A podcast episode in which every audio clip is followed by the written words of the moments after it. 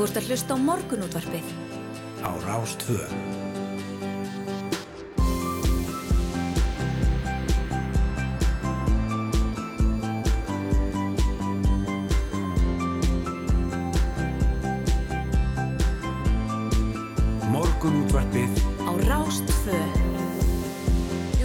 Bjóðum góðan daginn hér í morgunúttarpunna á Rást 2, Snæra og Sindarsdóttir og Hulda Geirsdóttir sitja hér í efstaleiti miðvíkudaginn 9. februar. Já, það er komin februar maður, þetta er, uh, það er svo langt séðan ég hef verið hérna með ykkur Já. ég, er hægt að telja og svo er maður algjörlega dottin í vetrarolimpíuleikana, það er auðvitað útsendingir á skjánum hjá okkur og, og fyrir þau ykkar sem eru á risul eða eru kannski bara að klára nætuvaktina að þá er uh, alltaf eitthvað í gangi núna Já, einmitt, þetta er sérstaklega mikið að modnana af því að þeir eru þetta 8 tíma undan okkur mm. í Kína en svo er þetta að horfa þetta allt inn á, uh, inn á uh, hérna spilaranum okkar. Já, já, þetta, þetta fer þangað þannig að þið missið af ykkur að nóttu til að þá er hægt að nálgast það hvenær sem er að degi til. Svona er nú tæknin maður. Mm, ótrúlegt, ótrúlegt. Eini, það er virkilega gaman að vetra olimpíuleikunum og þó að þetta sé kannski ekki alveg sama stemningin og í kringum handbóltamótið, Nei. þá er þetta samt svona til þess að leta mann stundin þar aðeins. Já, já, þetta er, þetta er mjög gott á þessum árstíma og það er mjög gaman að, að horfa á svona íþróttastórmút. Þetta er svona stundum í umræðinni, sko, á alltaf að vera að sína íþróttir á besta tíma og eh, eitthvað færa fréttir og þetta og hitt er ekki allir ánæði með þetta. Nei, nei. En áhorfstölunar sína það að þetta er nú bara allra vinsalasta sjónvarsefni sem við bjóðum upp á yfirleitt. Já, og bara keppni almennt. Já, það er gaman að horfa á, á hérna, spennandi keppni. Alls konar keppni. Ég var einmitt að horfa á skíðaskottsumi í gær með manninu mínum. Kemur það að ljósa, hann kann nöfnin að um öllum, veit allt um þá. Ég hef búin að vera með honum í meirinn áratug, ég hafði ekki hugmyndu það að hann vissi svo mikið um skíðaskottum. Ekki, ég, ég get ekki nefnt, nefnt neitt, en ég geti kannski sagt að normenn séu góður í því. Já, Það er svona mín, minn helsti fróðleikur. Eftir að hafa setið hérna í sófanum með hann, þá er Filomino, minn maður, frakkin. Ah, Hann er alltaf með svona silfurkeðju yfir búningin, minnst það mjög cool. ég þarf að kíkja á þetta, ekki spurning. En við ætlum að koma við að við í þættinum í dag eins og alltaf. Við ætlum aðeins í, í lok þáttar að glugga í tilnefningar til Óskarsvælana. Hún kemur til okkar hún Júlía Margrét Einarsdóttir menningar rínir og við ætlum að spá aðeins í spilin en Óskarsháttíðin fer fram 27. mars næstkomandi. Einmitt, en það voru líka átta hús á Patrísfriði rýmdi gerð vegna snjóflöðuhættu en fólkið í, sem í þeim býr er orðið ansi vant rýmingum á svæðinu þó því fylgið auðvitað alltaf rask fyrir fjölskyldur og sérstaklega barnafjölskyldur. Á línunni hjá okkur verður Ingalín Valdemarsdóttir sapstjóri í minnisapninu á hnjóti en hún er einn þeirra sem að rýma þurfti heimilsitt í gerð vegna óvissu ástatsins og er ekki komin enn heim. Nei. Svo ætlum við að ræða uh, mál sem að uh, er sjóðheitt um þessar mundir. Það eru uh, stýrivextinnir. Já, einmitt Sælabankin hyggst tilkynna ákunn sína um stýrivesti klukkan hálf nýju dag en búistu við því að þeir hækki verulega. Margir eru aukandi við stöðu efnahagsmála og þá sérstaklega hvernig stýrivesta hækkanir verðbólka og húsnæðisverð hér helst í hendur þegar kemur að buttu landsmanna. Þau kominga til okkur til að ræða þessi mál. Þingmennir Simar Guðmundsson frá Viðreist og Guðruna Haftastóttur frá Sástæðarsflokknum en Guðrun er einmitt formaður efnahags og viðskiptanendar alþingis. Og það er kannski bara gaman að nefna það að þetta er í fyrsta skipti sem Simar kemur í morgunúttarpið eftir hann hætti í morgunúttarpinu.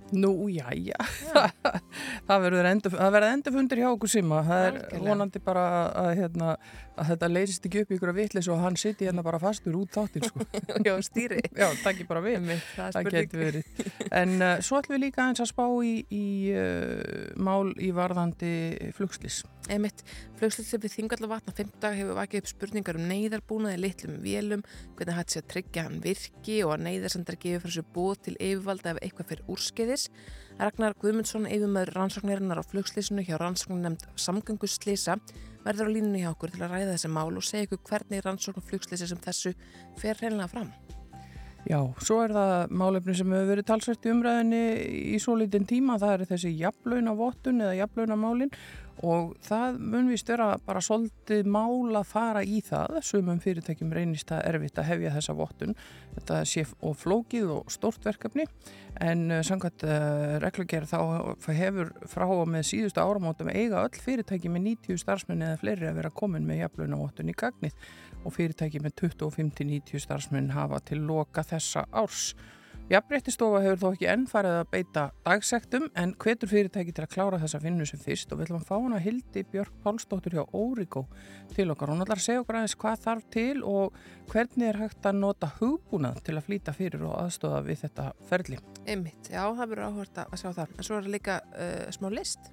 Já, við ætlum að fara austur á land og heyra af listaháttíðinni List í ljósi á Seyðisfyrði sem hefur fessi þar í sessi undanfærin ár og færir Seyðfyrringum og gestum þeirra ljós og lit í skamdeginu háttíðin fer fram síðar í þessari viku og við ætlum að slá á þráðin til hennar Cecilju Jónasardóttur. Hún er einn þeirra sem að háttíðinni stýra og við ætlum að fá aðeins frettir af því sem framöndan er og, og uh, svona bara hvað er að fretta þarna af svæðinu. Ég sé hér á forsiðu frettablasins, þar er uh, stór frett um að 25 húsnæðislausur einstaklingar komið til með að missa hús, húsaskjólsitt vegna kröfu um bættar eldvarnir um næstu mánuðamót. Þau eru sagt íbúar á, uh, á áfangaheimili í Kópavogi en uh, það, er, það er félagið betra líf sem að rekur þetta heimili og þar sagt eru eldvarnir ábúta, ábúta vanar, segir maður það? Nei, þeim er ábótavant. ábótavant einmitt, þeim er ábótavant En það er auðvitað mjög mikilvægt mál uh, að- fólk bú ekki í húsnæði þar sem að brunavarnir er ekki Já. en, en, spurning er hvernig er hægt að, að leysa þetta. einmitt, hann segir hér hann Arnar Hjálmtinsson hjá Betra Líf í þessum hópu eru vistmenn sem hafa fyrirgjert frétti sinum hjá félagsbústöðum og hafa engar bjargi til að útvega sér húsnæði en slökkvulaði krefst, krefst útburður á grunni þess að eldvörnum sé ábótavant þetta er gríðelt högg og voði fyrir mennina að þeir færa á götuna. Uh, þetta áfangaheimili sérst bráðabæða laust þetta er uh, forvöldinlegt Já og uh, það er hérna, mynd á fórsviðum okkans líka af svona kannski lýsir því sem er í gangi hérna í, umhverjunni kringum okkur, það er allur þessi snjór og, og til að koma honum í burtu þá eins og ofta áður er verið að riðja snjónum bara út í sjó. Og uh, það er hérna mynd af gröfumönnum á Ísafyrði sem höfðu í nægu að snúast við að riðja götu bæjarins. En uh, og þar þykja heimatökin hæg að setja snjóin einfallega bara út í sjó. Einmitt og þetta hefur maður nú séð gert við að ég væri alveg til í að losa svolítið að þessum sköplum og ruðningum sem eru út um allt núna Þa, það er ekki auðvelt að komast um og leggja í stæði og annað þegar það er búið að riðja fyrir Ég frétti að það hefði nú verið bílar fastur í, í húsagötinni þinni í ger. Já, já, það er þegar maður býr svona götu hodni með smá brekku, þá heyrir maður oft spól. það er bara þannig. En uh, ég, við kíkjum nú betur til veðu svo eftir, en mér sýnir svo sem að, að, að það stefni í, í svona fallegan dag. Ég held að verði kaldara í daginn í gær. Já, einmitt. Þetta verið svona fallegu vetradagur. Ég hef ekkert að móti snjó ef að, ef að bara veðrið er í lagi. Sammála því, ég er alveg sammála því. svona, að, að það byrti til og það getur verið gaman að að fara út og reyfa sig og svona þegar uh, það snjóri yfir öllu, það er mjög fallegt en, en þetta er svona ekkit mjög praktíst í umferðinni Nei, nei, það er það ekki. Ég segi alltaf, öll veður eru góð ef það er ekki rók, sko. Það er bara, mér finnst það. nema á sérstu vindmila Já, einmitt, já, já. Vissulega, þetta er vissulega, hérna, frá eigin brjósti sem ég nefndi þetta. ég er ekki að taka alla með í reikningin hana. Nei, Nei, nei, en, uh, en uh, ég rætti hans við Guðrún Hafstinsdóttir sem kemur hér á eftir uh, kerindi frá hveragerði já, áðan og, og ég sagði, já, það er nú ekkert að bæta í snjóin, þarf það að hafa ykkur ágjur af þessu, ég er að skoða við vegagernar, hún sagði, "Pff, það snjóa nú enn. já. Þannig að En hefði- það er samt loksins búið að opna helliseiðina, kannski rétt að taka það einmitt fram að, að uh, hún búin að vera lokuð síðan um helgina vegurinn yfir helliseiði en uh, búið að opna núna í morgun. Einmitt. Heyrðu það eða las eða sá eitthvað staðar þegar ég fór að stað uh, eldsnömi í morgun. Það er gott. En uh, hér framöndan allt hefbundið fréttir á sínum stað á slæginu klukkan sjö og að þeim loknum höldum við áfram og vindum okkur í dasgrá morgun útarsins í dag þannig að þeir skulu nú ekki fara langt frá útarfinu. Þú ert að hlusta á morgunútvarpið. á Rástvö.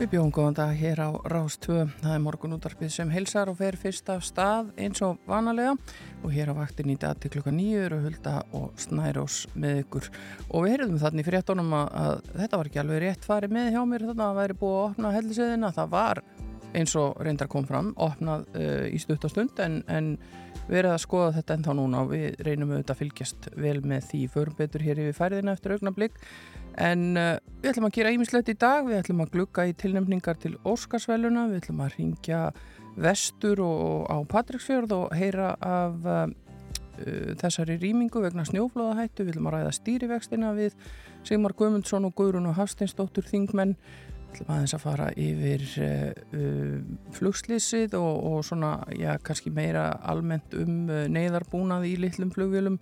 Það eru jafnlaunavottunin og listaháttíðin list í ljósi sem er á daskar hjá okkur en uh, ég var að kíkja veðri. Já, emitt, það er norðan 10 til 18 í dag með jæljum fyrir norðan en þurft að kalla um sunnanvert landið frost 0 til 5 steg og svo dregur vindi og úrkomi en það kólnar í kvöld.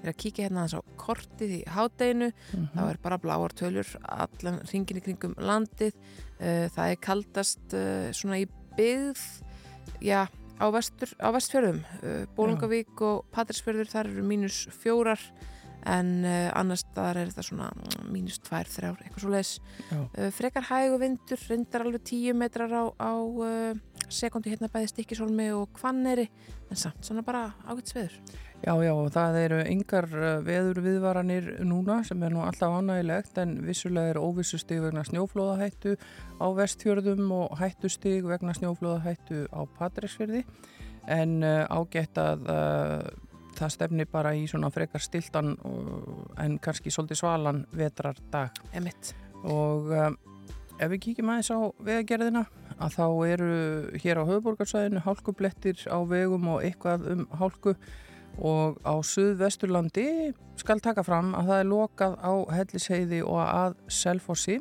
Víðast hvar snjóþekja hálka eða hálkublettir og eitthvað um skafrinning og það er ófært um Krísuvíkurveg og Kjósarskarð. Og uh, það hefur sem sagt verið sett hérna inn aftur í nótt eða undir morgun að heiðinni, helliseiðinni hafi verið lokað. Og veginum á milli hveragerðis og Selfoss einnig. Já, það eru flestir vegir líka ófærir á vestfjörðum, uh, Mikladal, milli Bólungavíkur og Ísifærðar. Það, það er semst fært á Mikladal og milli Bólungavíkur og Ísifærðar. Mm. Innansveitir er dýriferð og milli Flatir og Súðavíkur en að öruleiti. Öruleiti ófært á vestfjörðum.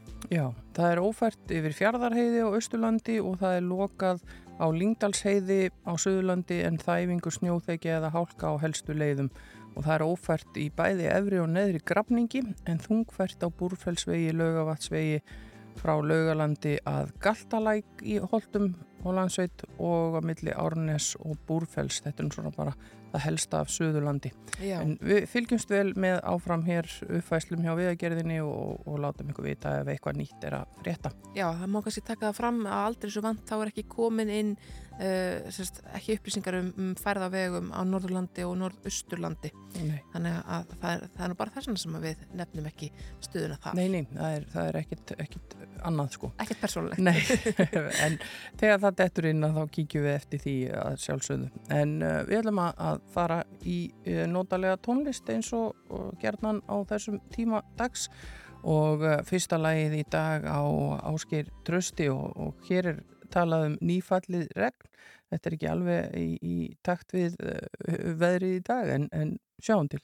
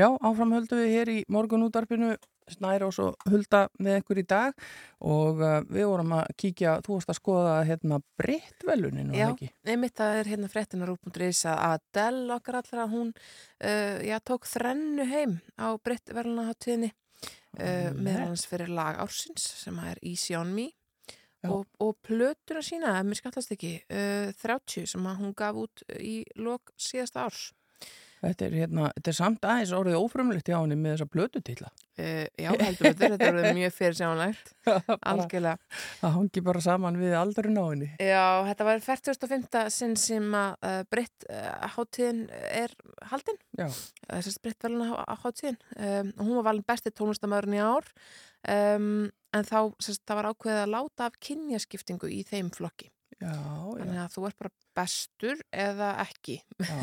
Þetta er greinilega uh, svona breyting sem er að eiga sér stað. Þetta er sama og, og við sjáum að er framundan á íslensku tónlistavelunum. Þar verður ekki lengur söngkona og söngvari, heldur bara söngvarar Emmett, af öllum kynjum.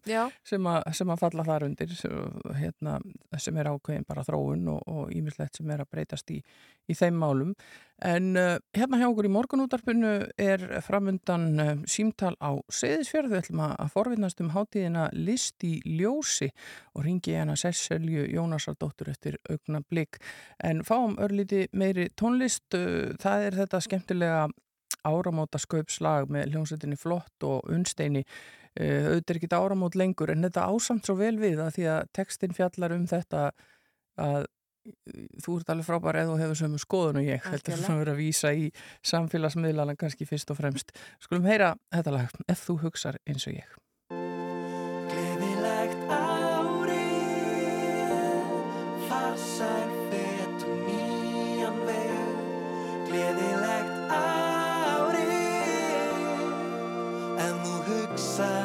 eins og ég.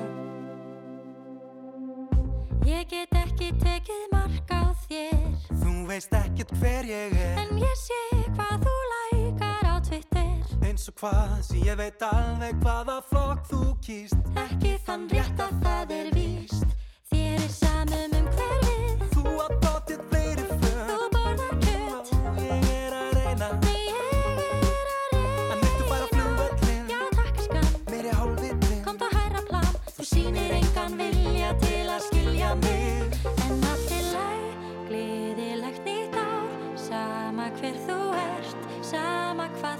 finnst og hvað þú hefur gert Ég vona þessi hátíð verði dásamleg Ef þú hugsar eins og ég Gleðilegt árið, farsæl fet og nýjan veg. Gleðilegt árið, ef þú hugsar eins og ég. Við eigum enga samleif hér, Þú veist ekkert hver ég er það er allt út í yttala hjá þér. Hvað með það? Ekki er ég að dæma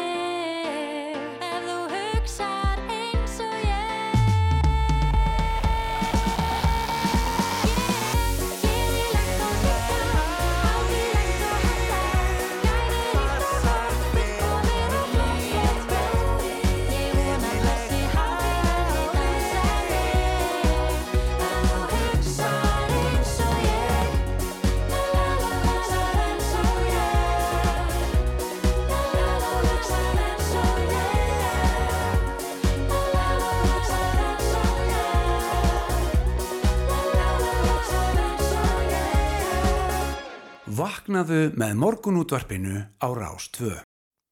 Jú, jú, við erum löngu vaknaðar hér, Hulda og Snærós og við ætlum að forvinnast aðeins hér næstum listaháttíðina List í ljósi á Seyðisfyrði. Hún hefur vissulega fessi í sessi undanfærin ár og færir Seyðisfyrðingum og gestum þeirra ljós og lit í skamdeginu ekki veitir af. Algjörlega. Og háttíðin fyrir fram núna síðar í vikunni og á línunni hjá okkur er eh, Cecilia Jónasardóttir sem er einn þeirra sem háttíðinni stýra. Góðan daginn, Cecilia. Góðan daginn, góðan daginn. Hvernig veðri á ykkur fyrir austan? Herðu, það er bara rosa fínt. Það snjóar enda svolítið mikið, sem er, bara, sem er eiginlega bara pluss fyrir hátíðina, sko. Það verður allt miklu fallir, Já, það kemur svona...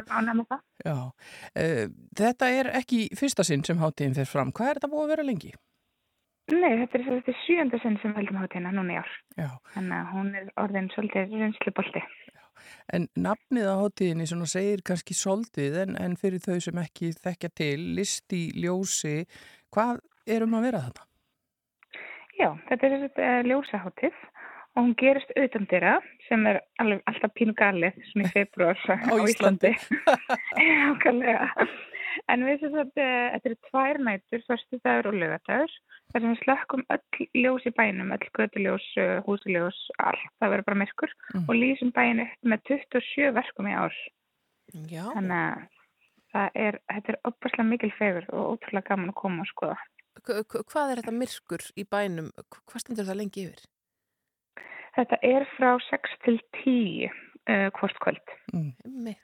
Og, og, og, og þetta er svona, já þetta er mjög einstakt vegna þess að, það er, að þú færði ekkert endilega slökk á götuljósin í, í hvaða bæja sem er að borg sko, bara til að lýsa bæin upp með listaverkum sko nú er náttúrulega búið að vera, eh, sko, það hefur búin að vera svona ljósaverk hér í Reykjavík í tengslu við, við vetraháttíð, en uh, það er ekkit slögt, slögt ljósin í borginni, þannig að þetta er væntilega svolítið önnur og, og kannski meiri upplifun.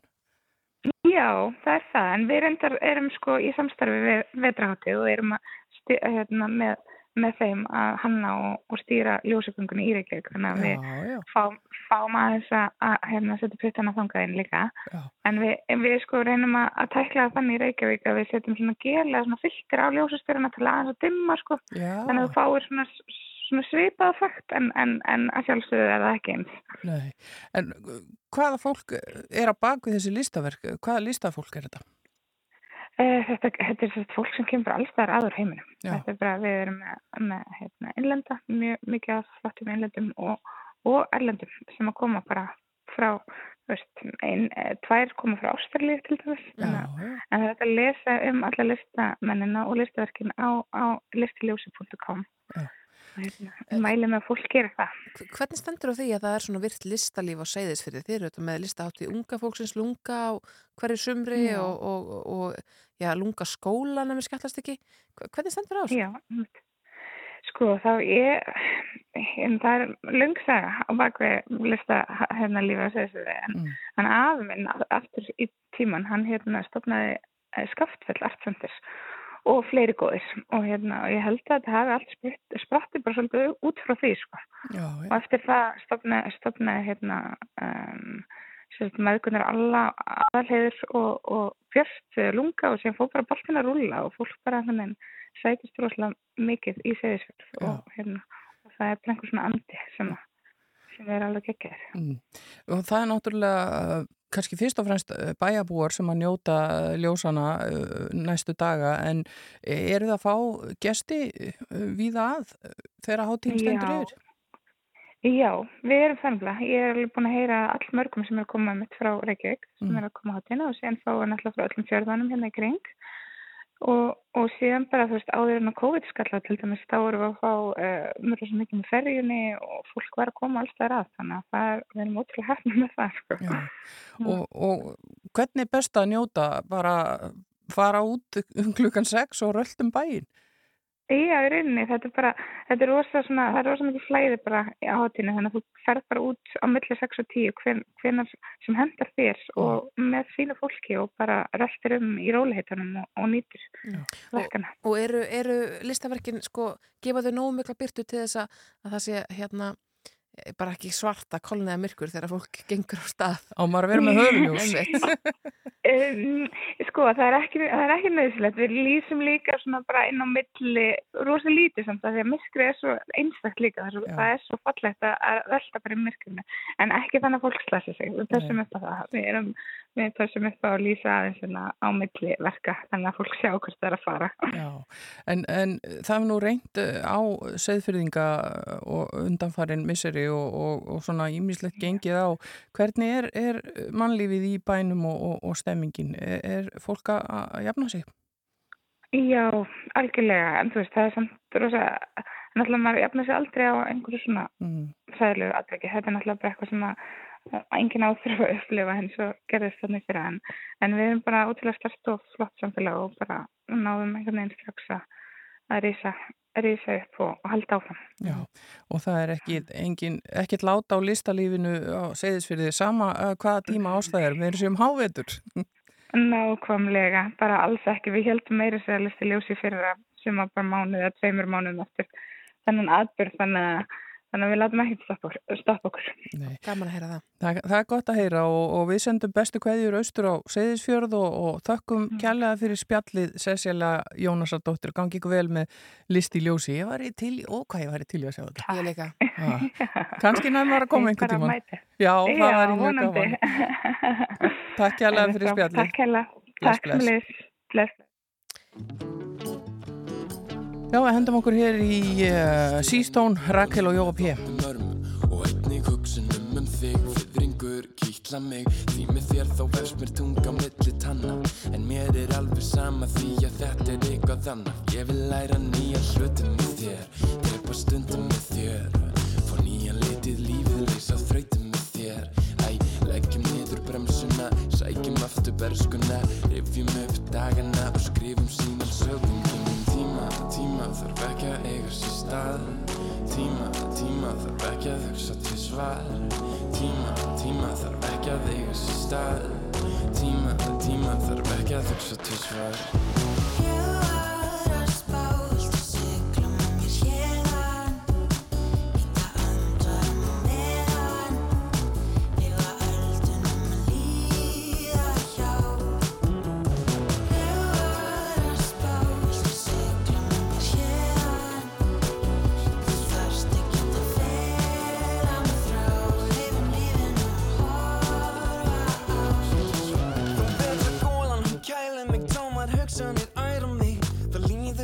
okkur fjandi vel. Miða við og standi Leggjum lífið á bekkin Og setjum heilan í hlekki. Að gera mýflugur Úlvandi það er það sem ég þekki. Og þó að kom ekki sólinn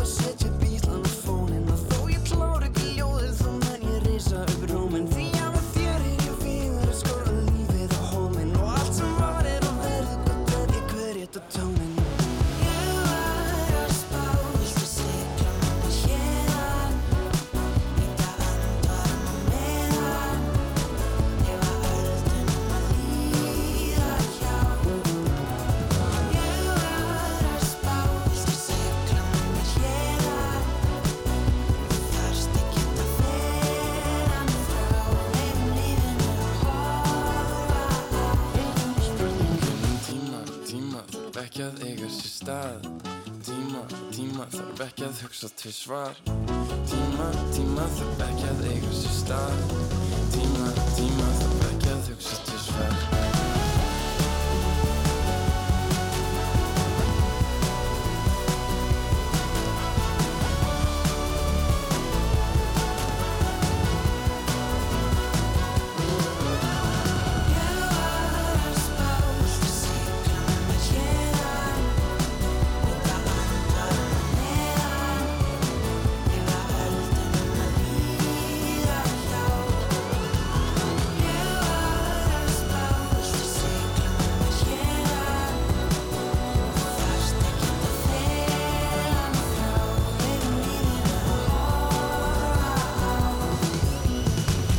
ert að hlusta á morgunútvarpið. á Rás 2.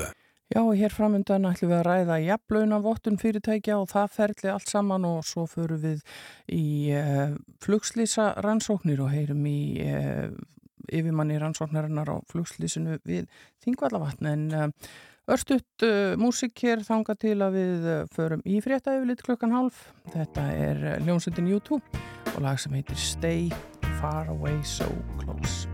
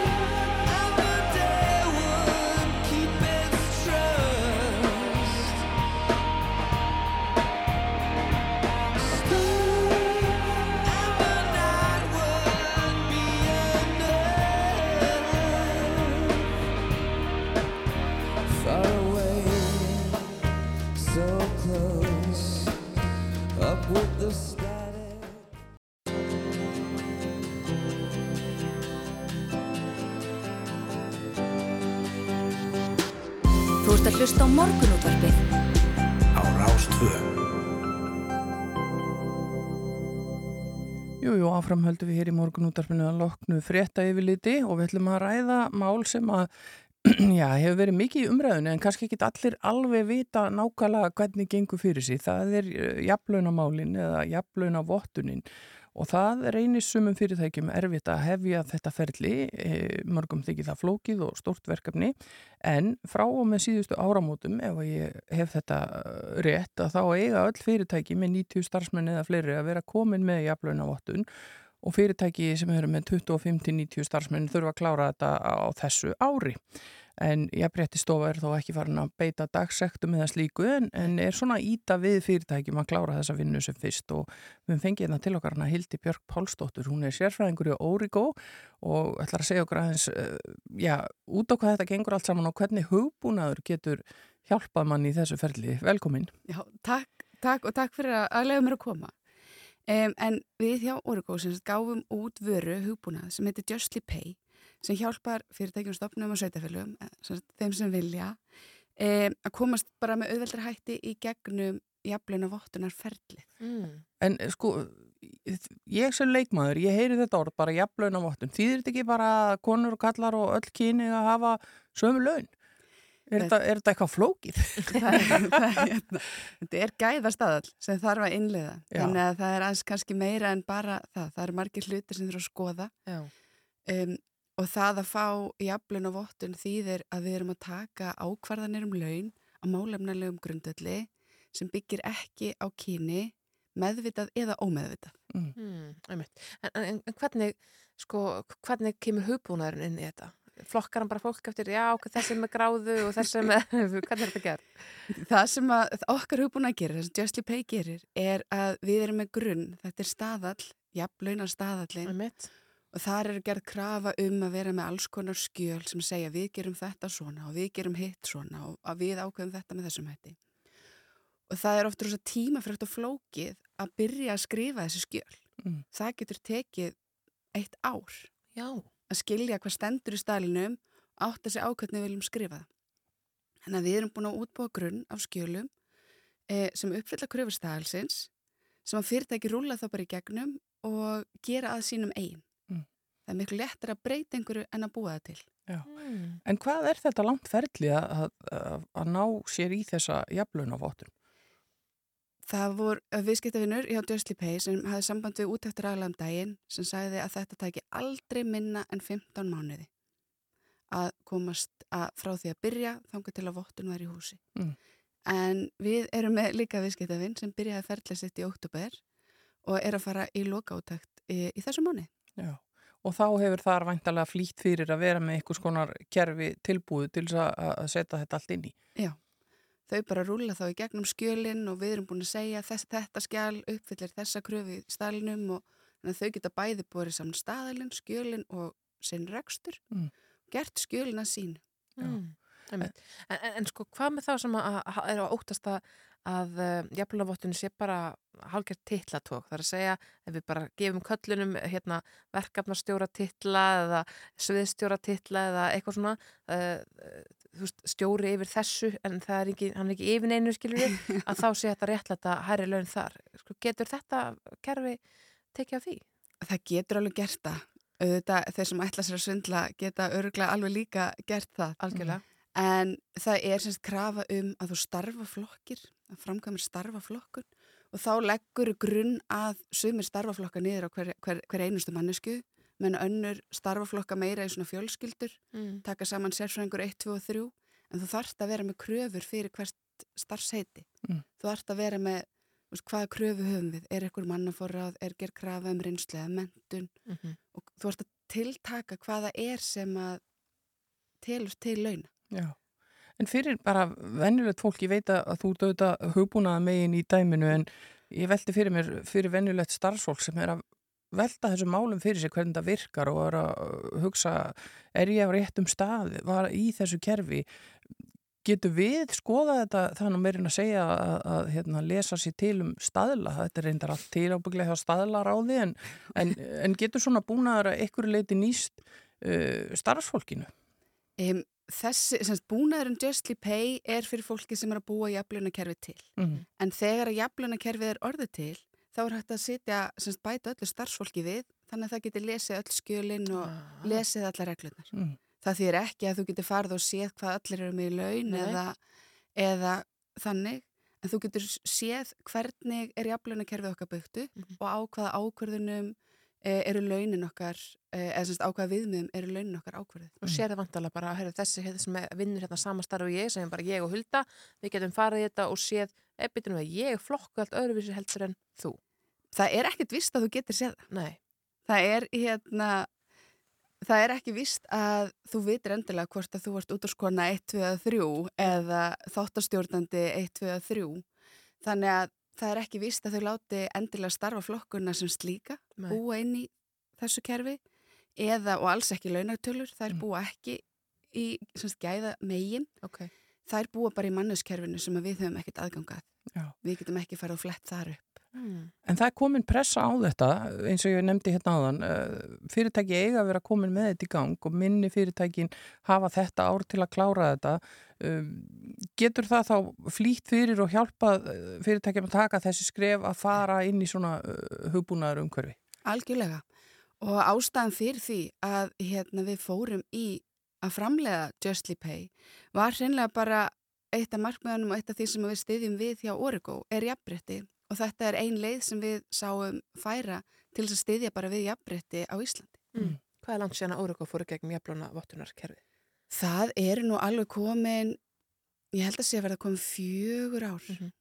En svo er þetta alltaf, sko ferðlega það ekki, það var alltaf að fara í gegnum vottununa aftur og er aftur, þetta er ekki bara Já, þetta stimpil er sem að, já, þetta er ekki stimpil sem að er bara eitthvað er á eilífur. fyrirtækinu og eilifu, sko. Það er einmitt það sem er oft svo vanmetið og það er það sem Pay hjálpar ykkur líka að gera að það er að við erum líka með áætlanir um hvernig þú átt að viðhalda. Svo ég fari nú ekki djúpu tæknilega Nei, nei. en hérna Það færi allt beint yfir hvað sem er. en það er mikilvægt að viðhalda líka og það eru, en það eru ekki margir aðilar en það eru svona tveir, þrýr aðilar sem hafa mist jafnlaunavottun við það að viðhalda ekki. Þannig að það- í skammakrókin Já, þetta er áframhaldandi vinna. Þetta er áhugavert og, og eins og við nefndum að þá hefur jafnbrettistofa eh, heimild til að beita dagsektum. Þannig að, að þetta er mikilvægt mála að klára. Mjög mikilvægt þau hafa heimil til þess að dagsættirnar geta varða alltaf 50.000 krónum á dag Já, það er fljótt að telja. Já, flott til Já. En eh, áhugavert að heyra af þessu, uh, við vorum að ræða hérna jafnlaunavottun með henni Hildi Björk Pálstóðs sérfræðingi hjá Órigó og hún var að segja okkur hérna frá því hvernig hugbúnaður getur hjálpað við þetta ferli og, og svo eins og kom fram að þá þarf að halda því við. Það er ekki bara jafnlaunavottaði eitt skipti fyrir öll. Nákvæmlega. Takk fyrir að fara í gegnum þetta með okkur og, og segja okkur uh, frá þessu. Og hér framöndan hjá okkur í morgun útarpinu við ætlum að uh, slá þráðinn til hans Ragnars Guðmundssonar. Hann er yfirmaður rannsóknarinnar á flugslýsinu við Þingvallavatn hjá rannsóknarnemnd samgönguslýsa og uh, við ætlum að spurja hann svona svolítið út í, í, í þetta ferli bara neyðarbúnað á litlum uh, flugvilum og uh, hvernig er unnið úr þessu. Já, emitt, ég er rétt að vera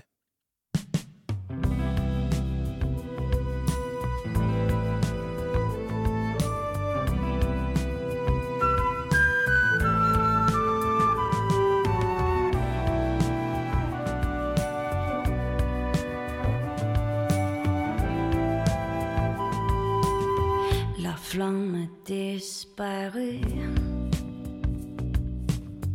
Et non, non sont perdus.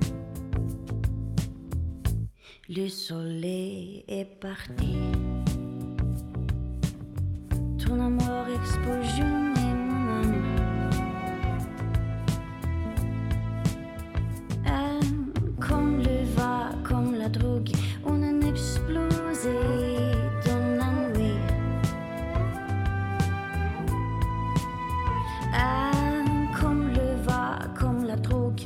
désolée.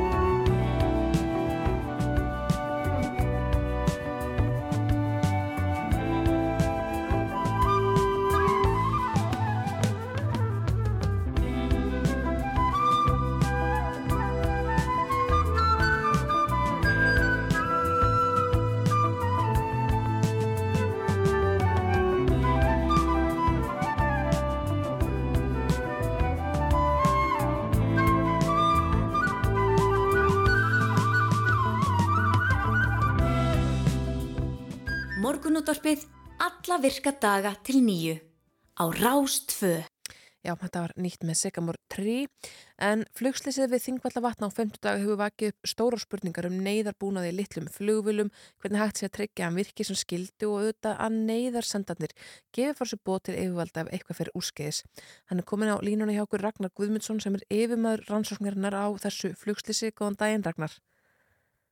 Já, góðan daginn. Uh, ef við kannski bara byrjum uh, svona þar sem ég hóf minn engang, uh, hvernig er Er, er verið að fara yfir neyðarbúnað í þessum litlu flugulum? Eru, eru örgismálinn í lægi?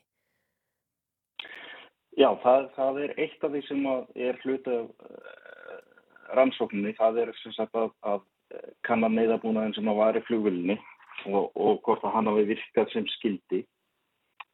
Og, og þetta er eina af ástæðum, eina af mörgum ástæðum reyndar, er í því að við þurfum að fá flugulun upp til þess að geta rannsakað hana betur. Já, en svona heilt yfir, hvernig er eftirliti með smærri flugvílum hátta? Við vitum auðvitað stóru flugfélögin sem eru með þóturnar eru bara með sína flugvirkja í stanslösu eftirliti en, en vélar sem eru kannski eigu um, smærri fyrirtækja, flugskóla eða einstaklinga, hvernig virkar það? Það er í svo sem uh, ekkert ósvipað uh, viðhald uh, þó að, að það sé nú kannski ekki jafn yfirgripps mikið á skilvunum ástæð en, en það er, er þannig að það eru framkvæmda svo kallar árskoðanir og svo aðrar minniskoðanir þar á milli sem að framkvæmdar eru líka af flugurkjur mm. sem að hafa sérsagt réttindi á þessar flugvelar og síðan jafnframt því alveg eins og á stóru, flugulum og, og hjá flugreikundurum þá eru einnig úttæktir á vegum hérna samgöngustofu. Mm -hmm. En þar mættu kannski vera tíðar eða hvað? Ja, við erum bara ekkert komin fangað í rannsóknum til að geta sagt neitt til um það þannig að ég get, get ekkert sagt til um það. Sko, það eru margir sem þekkja síðan á flightradar24.com sem er þetta að sjá einhvern veginn bara ógrinni flugvilega um allan heim hvar þar eru og, og hver þar eru að fara um, er svoleiðis kerfi í gangi fyrir þessar smerri velar eins og huldanöfni áðan kannski velar í enga eigu eða í eigu flugskóla eða eitthvað slíkt eða er þetta bara fyrir stóru farþægaflugvelina sem við getum séð svona radar hva, hvar þar eru? Ef, ef ég kannski hérna byrja á að fara yfir þessi neðkerfi sem er í þessum flug, flugunum mm -hmm. til, til þess að út, útskýra það þá, þá er það þannig að í uh, öllum flugunum erum við með uh, svo kallar neyðarsendir eða svo kallar ILT það er kannski það fyrsta sem við notum þegar að verður uh, flugslýs neyðarsendirin er sem sagt þegar að flugul verður höggi við áraugstur eða sem sagt flugslýs þá á hann að fara í gang Nú vitum við náttúrulega að þessi flugvel eh, er á botni Þingvallavats og eh, svona gallin að takmörkun við ILT neyðasendurinn er, er svo að hann virkar ekki í vatni. Mm. Og, og, og, og einni þarf, eins og ég sagði, umtalsagt högt til þess að hann fari í gang. Já. En eh, er þetta ekki samt eitthvað, þó að það sé kannski á þinni könnu en en eh, sem betur fer verða nú ekki mörg flugslýs í sögunni en, en þau gerast nú stundum á vatni eða í sjó. Uh, er ekki skrítið að það sé ekki bara einhvern veginn búið að ná að hanna búna sem að virkar þar? Jú, þarna er mismunum einmitt á þessum minni og starri loftbrunum eins og, eins og þú nefndir, eh, nefndir áðan að hérna í starri loftbrunum eru við líka með svo flugrita um bord mm og hann er með hérna svona búnaði á sig fyrstu, áfyrstu búnaði, svona pingveg mm. sem að fer í gang þegar hann lendir í vatni þannig að þegar að flugvel lendir í sjó eða, eða vatni, svona starri flugvel sem er bú, útbúin hérna flugrita mm. þá er þessi sábúnaður notaður til þess að, að, að, að finna e, flugvelina eða finna flugritana Já, það er þessi svarti kassi sem við heyrum oft talað um Það, það er henni eiginlega svartikassi. Já. Og slíku búnaður er þá ekki í smæri vilum? Nei, hann er ekki í, í þessum litli flugulum. Þeir eru fyrir austanfjalla að rannsaka þetta flugslis og uh, þurfið að fá vélina upp til þess að geta gert það. Uh, hvernig verður því háttað? Hún er á hvað, 50 metra dýpi. Uh, hvernig verður vélinn, vélinn sótt? Hún er á tæmlega 50 metra dýpi og hérna er nú kannski eh, réttast það sem að, að hérna, lögreglan stjórnar í rauninni aðgerðinni eh, sagt, að björgun þangað til að, að við fá flugvinni í okkar hendur þá er kannski réttast að þeir fái að útskýra það ferli. En, en hvað hva tekur við þegar að vélina er komin upp, uh, sko, hvar skoðana, hvað eru það að fara að skoða og svo frammeins og hvaða upplýsingar getið einhvern veginn séð á vél sem að er búin að vera á, já, ver, verður kannski búin að vera á botnum vatsins í hátti viku? Já, þess að þegar að vélinn kemur upp, uh, það, það er ákveðin rannsókn að vinna sem við munum láta kafarna framkvæm neðsjávar, þar sem við þurfum að láta framkvæma áður um þeirra heilt viðinni, mm. en þegar hún kemur síðan upp, þá munum við þess að eh, halda áfram með svo kallega vettómsrannsókn sem er bara þessi staðlega rannsókn sem við framkvæmum þar sem við myndum allt og skoðum alla, alla hluti í vilni og skráum og, og við erum bara með ákveðna gátlist á verk, verkverklag við, við það. Mm.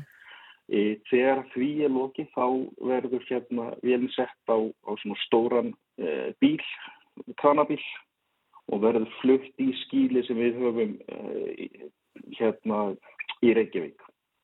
Og, og þar getið þið skoðaðana nánar og, og farið í gegnum já, öll aðrið?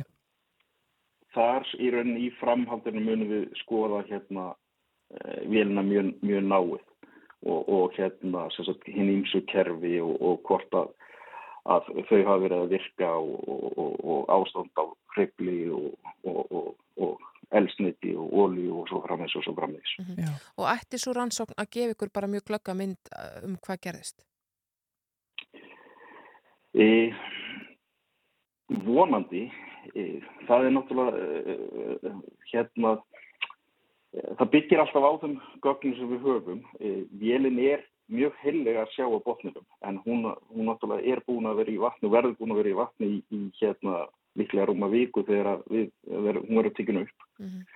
og það verður raunin bara komið ljós það er ekki eitthvað sem við getum bara sagt til um en, en svona meða við þær upplýsingar sem við höfum þá hérna ætti, ætti það að, að vera svo en, en, en svona það eru vissi þættir samt sem að er mjög líklegt að, að, að séu spiltir svo sem eins og til dæmis eh, rannsókn á elsneiti og ólí og gæti orðið mjög flókin einfallega vegna þess að það er mjög líklegt að, að, að það sé mengað sérst á vatninu þegar. Já, er við þetta átt að sjá því. En þetta, þetta er síðan ferli sem tekur uh, langan tíma. Þetta er mjög ítalega rannsóknir þegar svona gerist.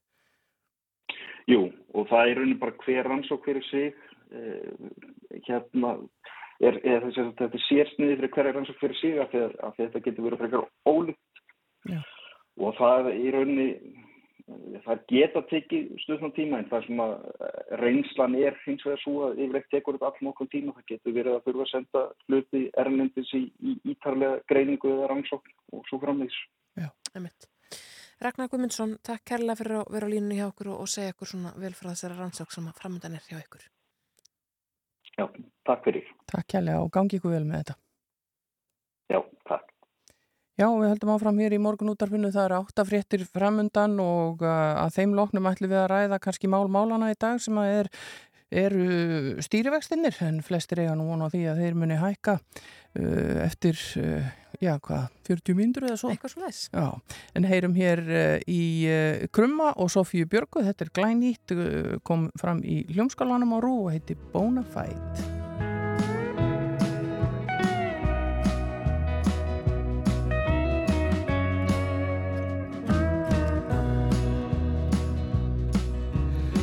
Your coat, put on your shoes, let's go.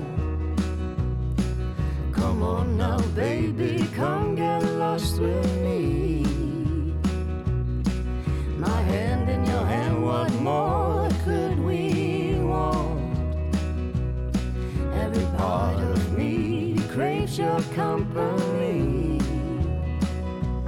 Gonna have fun tonight, bona fide.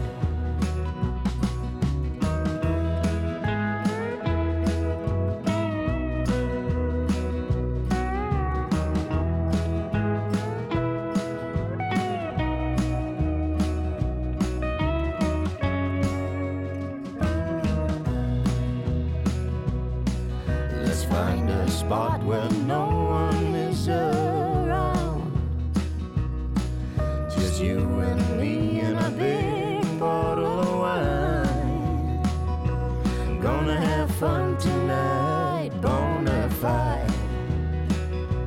Gonna have a hootenanny, come outside. Don't waste your time on fools, let's have fun. About your troubles and dance with the night. I know you've been down and out for so long. I wanna lift you up and have a good time.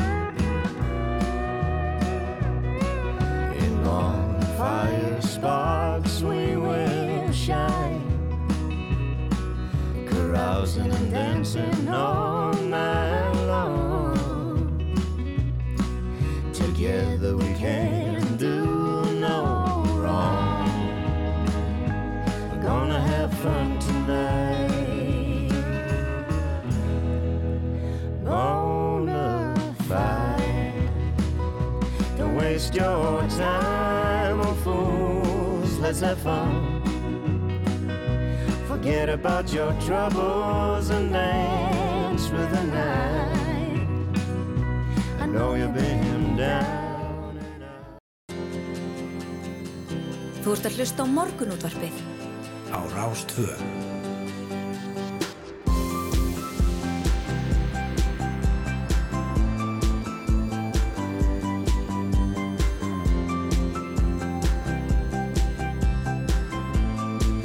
Morgunútvarpið á Rástfö. Áframhæltu við hér í morgun útarpinu Hulda og Snærós með ykkur til klukkan nýju og það er ímiðtlegt framöndan hjá okkur. Við ætlum meðal annars að glukka þessi tillemningar til Óskarsveluna undir lok þáttar og við ætlum að ringja vestur á Patrísfjörð og, og ræða þessa yfirvofandi snjóflóðahættu. En fyrst er það mál málana í dag sem er uh, yfirvofandi stýrivaksta hækkun. Emitt, eftir undanbel 25 mínútur þá tilkynir Sælabankin um ákvörðun sína þegar kemur að stýrivextum. Það er búist í því að þeir hækki umtalsvert. Hér talaði maður í gerð sem að sagði að þeir eru persónulega sigur fyrir sig að þau myndu bara hækka um halvt prosent. Þannig að það er hérna, já, svona ímislega hækkanir í kortunum og þau eru kominingað Sigmar Guðmundsson frá Viðrist og Guðrún Hafstæðsdóttir frá Sjálfstæðisfloknum. Hún er líka formaður efnaðis og viðskiptarhemdar Alþingis. Verið velkomin. Takk fyrir. Takk fyrir, uh, góðan dag. Við búum stöðut að við tölum um hækkunum, launþegar fengu um síðustu mánamót flestir uh, hækkun, inn á hérna launahækkun, 17 krónur, svo koma stýrivægsta hækkanir, við fáum mjög hækkað fastegnaverð, það er verðbólka. Sko hver er staða bara hins almenna, hins almenna borgar í þessu landi og, og, og, og, byttunar hans þessa dagana? Við byrjum með þér hverjum, hvernig horfa, horfa hlutinni við þér? Já, uh, ég er nú jákaða elsvari og það er eiginlega með öllum ólíkendum að uh, við erum að koma hér núna vonandi, erum við að fara út úr einni mestu efnarskrísu sem að Duni hefur á okkur þjóð og það er eiginlega alveg með ólíkendum hversu vel bæði heimilinn, fólk og fyrirtæki í landinu eru að koma út úr þeirri kreppu. Við sjáum það að kaupmáttur hefur aukist enganestla hefur aukist og er töluvert mikil þannig og það eru svona vísbyttingar um áframhaldandi vöxt, það er spáð e, hagvexti nokkuð háum hér á landi á þessu ári þannig að, að þrátt fyrir allt að þá eru svona allar vísbyttingar þær eru jákvæðar. Mm. Þau samála þessu sigmar, lítur þetta bara vel út þó að við fáum kannski andlitið 1% eða jafnvel eitthvað halvt prosent hér á eftir? Já, sko, það er auðvitað rétt að við erum vonhægt að komast út úr þessum heimsfaraldri með öllum þeim þrengingu sem honum fylgir. En ég minna, sko að því að við erum að tala til dæmis um vextina þá er þetta auðvitað bara staða núna að það var verið að segja við fólk rosalega mikið fyrir mörgum mánuðum að hér væri vextir kominir í sögulegt lámark og að hérna nú væri tækifæri til að endur fjármagna og annað. Og ég er kannski mest að hafa ágjur af þessum hópum sem að voru að skuldsetja sig og mikið út að háu fastegnaverði lágum vöxtum og þurfa svo að fá þessa vakstahækkun sem að framöndan er núna og síðar á árun öruglega mm -hmm. í, í andlitið En hérna, þetta er öðruvísi staða, verðbólgan er náttúrulega hluta til innflutt, það eru hækkanir miklar úti sem að við erum að flytja inn, en húsnæðisliðurinn hérna eru þetta, þetta vandamál eins eins og við þekkjum og, og það er kannski þar sem að Sæðlabankin er að reyna að stíga inn í. Sko, ástandið eru þetta mjög mismunandi eftir, eftir hópum. Sumar atvinningareinar fóru ágætlu út úr faraldrinum á meðan aðrar fóru mjög illa út. Þannig að þetta er nú ekki eh, eins og það sé bara sko jákvæð teknolofti. Það, þetta hvernig verðbólgan er að þróast er mikið áhugjefni og ég hef þungar áhugjur af fólki sem á mikið undir vöxtum þessa dagana Mm. og fyrirtækjum auðvitað líka. Einmitt. Á að stíða eitthvað inn í þetta, finnst þér það, Guðrún, að hjálpa þessum hópum sem að, að Sigmar nefnir hérna og um þetta eru búin að skuldsetja þessu mikið meðal annars út af endurfjármögnunum og, og lágum vöxtum hér fyrir skömmu síðan. Uh, fjármálar á þeirra, hann gaf það nú í skinn í síðustu viku að þetta er þið skoðað og vitaskuld munu stjórnvöld fylgjast vel, vel með stöðinni og hvernig þetta ástand mun bitna á heimilunum í landinu. Uh, það er alveg rétt sem Sigmar segir hér að verðbólgan, hún hefur alltaf verið einn okkar mest í fjandi, ef ég má segja það, í íslensku samfélagi. Og við sem erum hérna aðeins eldri að við munum hér uh, verðbólgu í tveggjastafa tölum og, og það er eitthvað sem við viljum ekki sjá. Aftur á móti eru við að sjá núna uh, vexti í, í hérna, við erum búin að sjá verðbólgu í má segja kannski sögulega lámarkaði á síðustu missurum og vextir hafa aldrei í sögunni verið svona lágir eins og þeir hafa verið undanfarið. E, þannig að við mögum heldur ekki gleyma því að e, þó svo að Sælabankin hafi hækka vexti e, síðast, mun vantarlega hækka vexti í dag, að þá eru vextir ennþá í sögulegu ljósi til til að lágir á Íslandi. En það breyti því samt ekki að hér eru heimili sem hafa skuld uh, sett sig mikið og eins og Sigmar kom inn á, uh, endur fjármögnuðu jafnvel vegna þess til þess að komast í lægra vakstastig og það er líka breytur veruleiki fyrir íslensk heimili að þau eru orðið miklu kvikari heldur en voru áður. Uh, nú er ódýrara að endur fjármagna Þannig að fólk hikar ekkit við það og það eru þetta af hennu góða. Mm. Og nefndir í gerð sem er á alþengi að heimilin þurft að vera bara sín einn persónulega greiningadelt. Er það staðan? Ég meina þarf fólk að vera einhvern veginn bara með fjármálinn alveg að bara í puttunum til þess að geta seint? Já, ég meina ef, ef að vel á að vera þá þarf fólk að fylgjast mjög vel með og einmitt þessi, þetta sem er að færast í vöxt að fólk er að endur fjármagna. Það eru þetta jákvægt í þessu íslenska krónuhækjörfi sem við erum í að menn geti það en það ætti nú að vera hægt að krefjast talsvert meiri stöðuleika heldur en er hérna á Íslandi þegar það kemur að þessu. Við meðum ekki gleyma því að sko uh, svona stýrivastahækkun ef við segjum að, að það verði einn prósetta sem að, sem að hérna, stýrivextinni fara upp um, þá eru þetta 20.000 á ákveðna húsnæðislána samninga mm. á hverjum einasta mánuði. En hva, hvað sér þau fyrir þér annað í stöðunni? Þetta er það tæki sem Sælabankin hefur til mm. þess að grýpa þarna inn í. Já, ég er í sjálfsvegar ekki, ekki, ekki, ekki endilega gaggrina það að Sælabankin gera það. Hann er auðvitað frálsa því að meta stöðuna eins og, eins og hann er og sjálfstæðir í sínum aðtöfnum og hann er kannski svolítið reyna að koma böndum á húsnæðismarka en og annað. En ég er bara að segja að almennt er við þannig umhverju hérna Íslandi eh, að, að vextir eins og, eins og er verið að nefna þeir þó þessi sögulega lágir núna þá eiga þeir eftir að hækka og þeir eiga kannski eftir að hækka umtalsvert mm. við þekkjum það hvernig verbulgan fyrir upp og niður og það er það sem ég er að vísa í að, að til þess að hafa fjármálinn sín og reynu að þá þurfa heimilin að vera að fylgjast miklu meira með heldur en nokkuð tíman fólk í nágrannulöndunum okkar það eru þetta bara hlýðarverkun af þessu þessu kerfi okkar og þessari krónu sem við erum með hvort sem að menn vilja nú játa það eða ekki en það því eru þetta ekki breytt yfir nótt og, og, og þegar ég er að tala um þetta vakstasti þá er ég ekkit endilega gaggrina Sæðlabankan, hann eru þetta bara að vinna í þessu umhverfi. Mm -hmm. Og erum við betur stött, Guðrún, ef við hefum ef, ef við erum með efru en ekki krónu? Uh, Sigmar og Viðrest þau, þau hérna tala mikið fyrir því að hér væri allt miklu betra Ég vil nú kannski bara benda á það að, að það er efra í Evrópu og, og þar er uh, verðbólka núna um 5% sem er sumulegis fáhert og ég held að þjóðverðar hafi ekki... Vext, vextinir háur þar. Já, en þeir eru vitt skuldlægri. Já, miklu, en, en, miklu og eru menn að fara í gegnum, en, gegnum, evran, gegnum skeiðið núna án þess að hækka vexti mikið. En Evran hefur samt sem áður, hún hefur ekkert komið í veg fyrir verðbólku núna á Evrusæðinu sem er líka í sögulega hámarki þar. Mm. Ég vil aftur um að benda það. Það er hins vegar líka eiginlega nánast einstakt að staðan sér svona í Európu og meðan við þekkjum þetta þennan veruleika bara mjög Staðan er einstök, en hún er það þrátt fyrir að það sé efra. Við skulum heldur ekki gleyma því. En ég hef haft áhyggjur af því að Sælabanki sé að hækka vexti mikið og hvaða áhrif það muni síðan hafa á húsnæðisframbóið. Því að við skulum heldur ekkit gleyma því að hér voru vextir, þeir voru lækkaðir gríðarlega hratt. Það var hluti af kjarasamningsviðræðum sem að gerði voru síðast. Uh, á sama tíma vextir eru lækkaðir að þá eru laun hækkuð mjög mikið og aðgengi á lánsfið eikst. Þetta þýðir auðvitað að þegar að heimilin hafa meira á milli handana að þá er ákveðin freystni til þess að taka herri lán, kaupa sér starri íbúð, kaupa sér starri og dýrari eign og þetta mun vexta hækku núna mun hafa áhrif á húsnæðasframbá að því leitinu til að það mun leiða til hækkunar á byggingakostnaði. Uh, fjármagn fyrir verktaka verði dýrara, það getur ekkert gert annað en að fara út í verð fastegna, þannig að ég hef vara við að það er ákveðin spírall sem að gæti fara í gang hjá okkur sem er erfitt fyrir okkur að stiga út úr. Á sama tíma þá verður Sælabankin, hann býr yfir nokkrum tækjum til þess að, stýra hér peningastefnin okkar og eitt af því eru þessi þjóðhagsvaru og tæki sem hann býr yfir og hann verður að beita.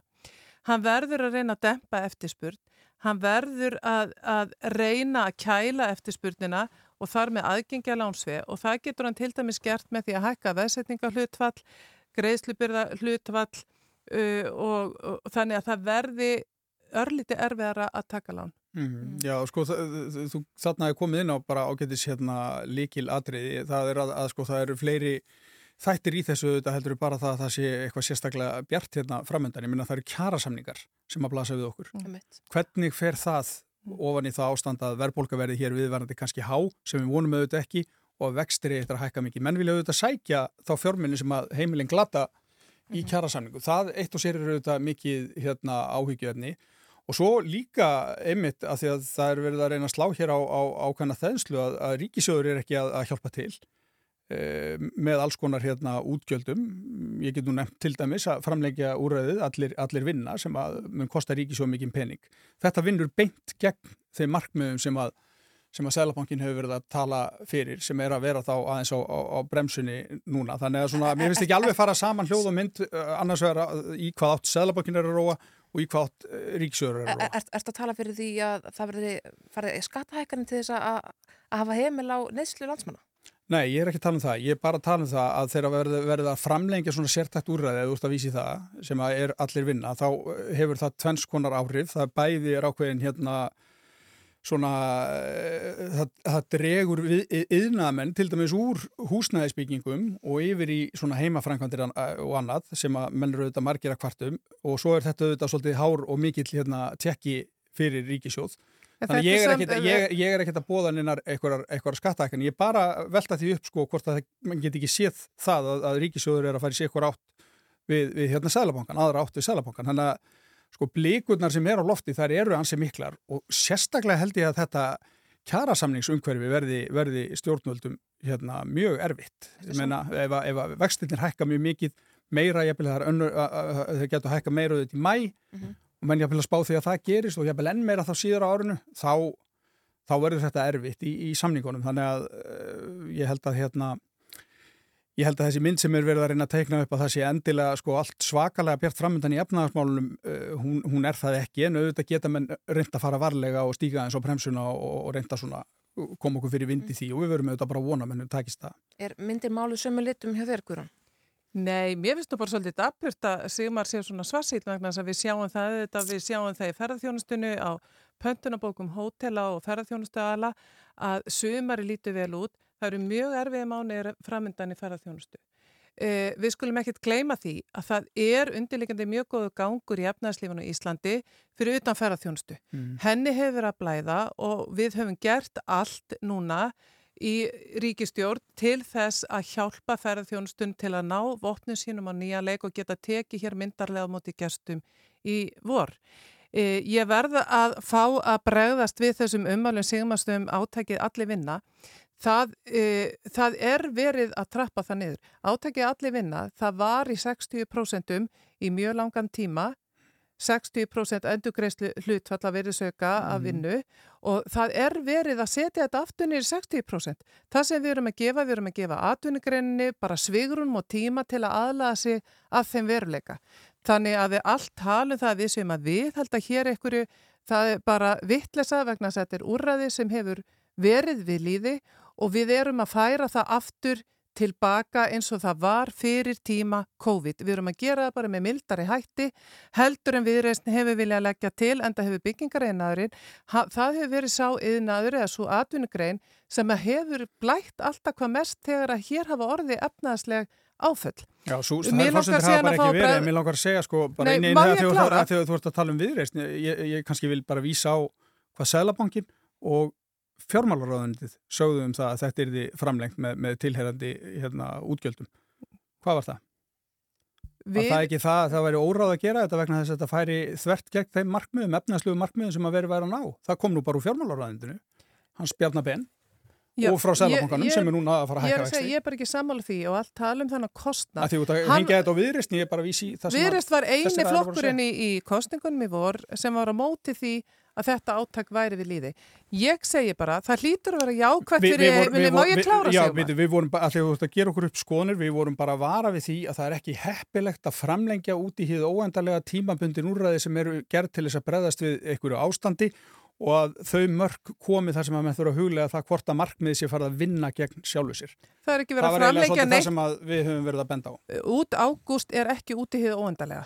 Bara alls ekki. Og sum, sum endurgreyslu fjallu niður um áramótin, aðra falla niður í júni og, og síðan í ágúst verður allt þetta kerfi komið niður í það sem það var fyrir tíma COVID. Það er engin óendanleiki sem var. Nei, þetta er, bara, þetta er bara, ríkisjóður er að fara í aðra átt heldur en Sælabankin. Það er bara það sem ég er að, að, að benda á með svona útgjöldum, með, með því að dæla peningum í að stækka stjórnaráðið og annað. Þetta, það, menn er ekki alveg að fara í sömu, sömu átt og Sælabankin er að reyna að fara með þessum tilteknu vakstahækkunum sem erum komin hérna til að ræða. aðeins að við, í sælbankanum um, er sælbankastjóri núna sem er kannski, ég hefur stíðið hans fastar inn í umræðuna og, og inn í einhvern veginn þessar stjórnun heldur en forverðar hans hafa endilega gert. Uh, er þetta rétt, Guðrún, sem Sigmar er að leggja upp hérna að sælbankastjóri sé einhvern veginn í eigin leikriti og fjármálaráð í öðru og, og þe þessar tvær svona, já, ríkistjórnun annars vegar og sælbankin séu bara hreinlega ekki tala saman? Nei, vitaskuld ekki. Þetta eru allt þættir og aðlar sem að tala vitaskuld vel saman.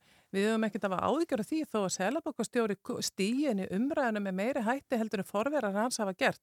Mér hefur þótt selabokastjóri bara hafa gert það ágætlega og, og hann hefur talað til þjóðarinnar þannig að en vitaskuld er það áhyggja efni að vaksta hækkanir og verðbolga munu hafa áhrif á komandi kjærasamninga. Það er bara óhjákvæmilegt. Verðbolga þýðir það bara að, að fólk er að fá sem henni nefnur minna fyrir launi sín heldur en ella. Og það er kannski ekkit óeilegt þó að fólk muni stiga inn í þær viðræður með að vilja fá það bætt með einhverjum hætti. Hins vegar verður það auðvitað það verður þungt fyrir atvinnlífið, það verður þungt fyrir ferðarþjónustuna, það verður þungt fyrir okkur þegar við erum að stiga upp úr kreppu, að ætla að fara á sama tíma og stiga inn í miklar launahækkanir. Ég vil líka bara minna það að hækkun vaksta mun draga úr atvinnuvega fjárfestingu sem að við er búin að vera of lítal á Íslandi og við þurfum svo sannarlega á að halda.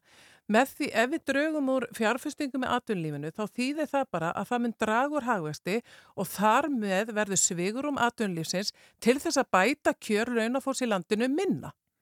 Einmitt. Sima Guðmundsson og Guðrún Hafstensdóttir frá annars vegar frá Viðreysn og hins vegar frá Sjálfstæðisflokknum. Takk kærlega fyrir komuna í morgunútarpið. Við ætlum að ringja vestur á Patræksfjörð hér eftir örskama stund og, og heyra í konu sem að, já, er ekki heima hjá sér einfallega því að það eru uh, já, rýming í gangi. Já, það er yfirvóðandi snjóflóða hætta þar, heyrum af því og svo ætlum við líka að glugga eins í Óskarinn hérna á eftir, kemur til okkar hún Júlia Margrét Einarsdóttir sem ég ákvaða til að sem menningar rýni, Já. það bara lýsinni svolítið vel. Ég held að hún er bara mjög ánað með það. Mjög, mjög fjölhef og, og flott með þetta allt saman en förum í það á eftir. Við ætlum hins vegar að henda okkur í smá tónlist núna og það er hún Bríett sem syngur uh, Cold Feet. I've been running around to figure out how to make things better. Cause you've been running around, turning everything upside down. I'm pushing clouds away, but you bring back the gloomy weather. We keep running around but fall down in the same old pattern.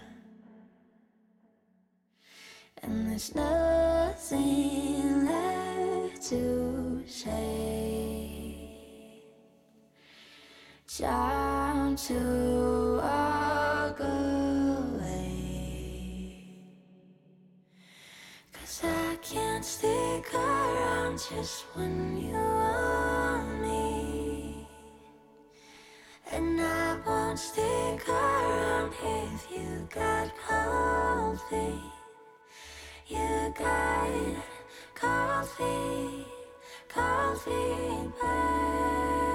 baby. No, I won't stick around if you got cold baby blue.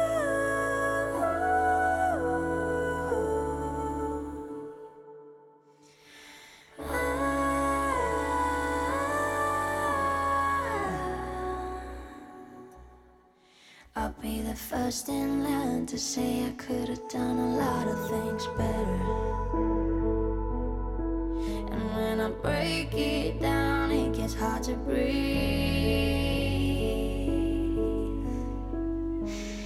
But let's not pretend that you didn't do the same to me. I'll be the first in line to leave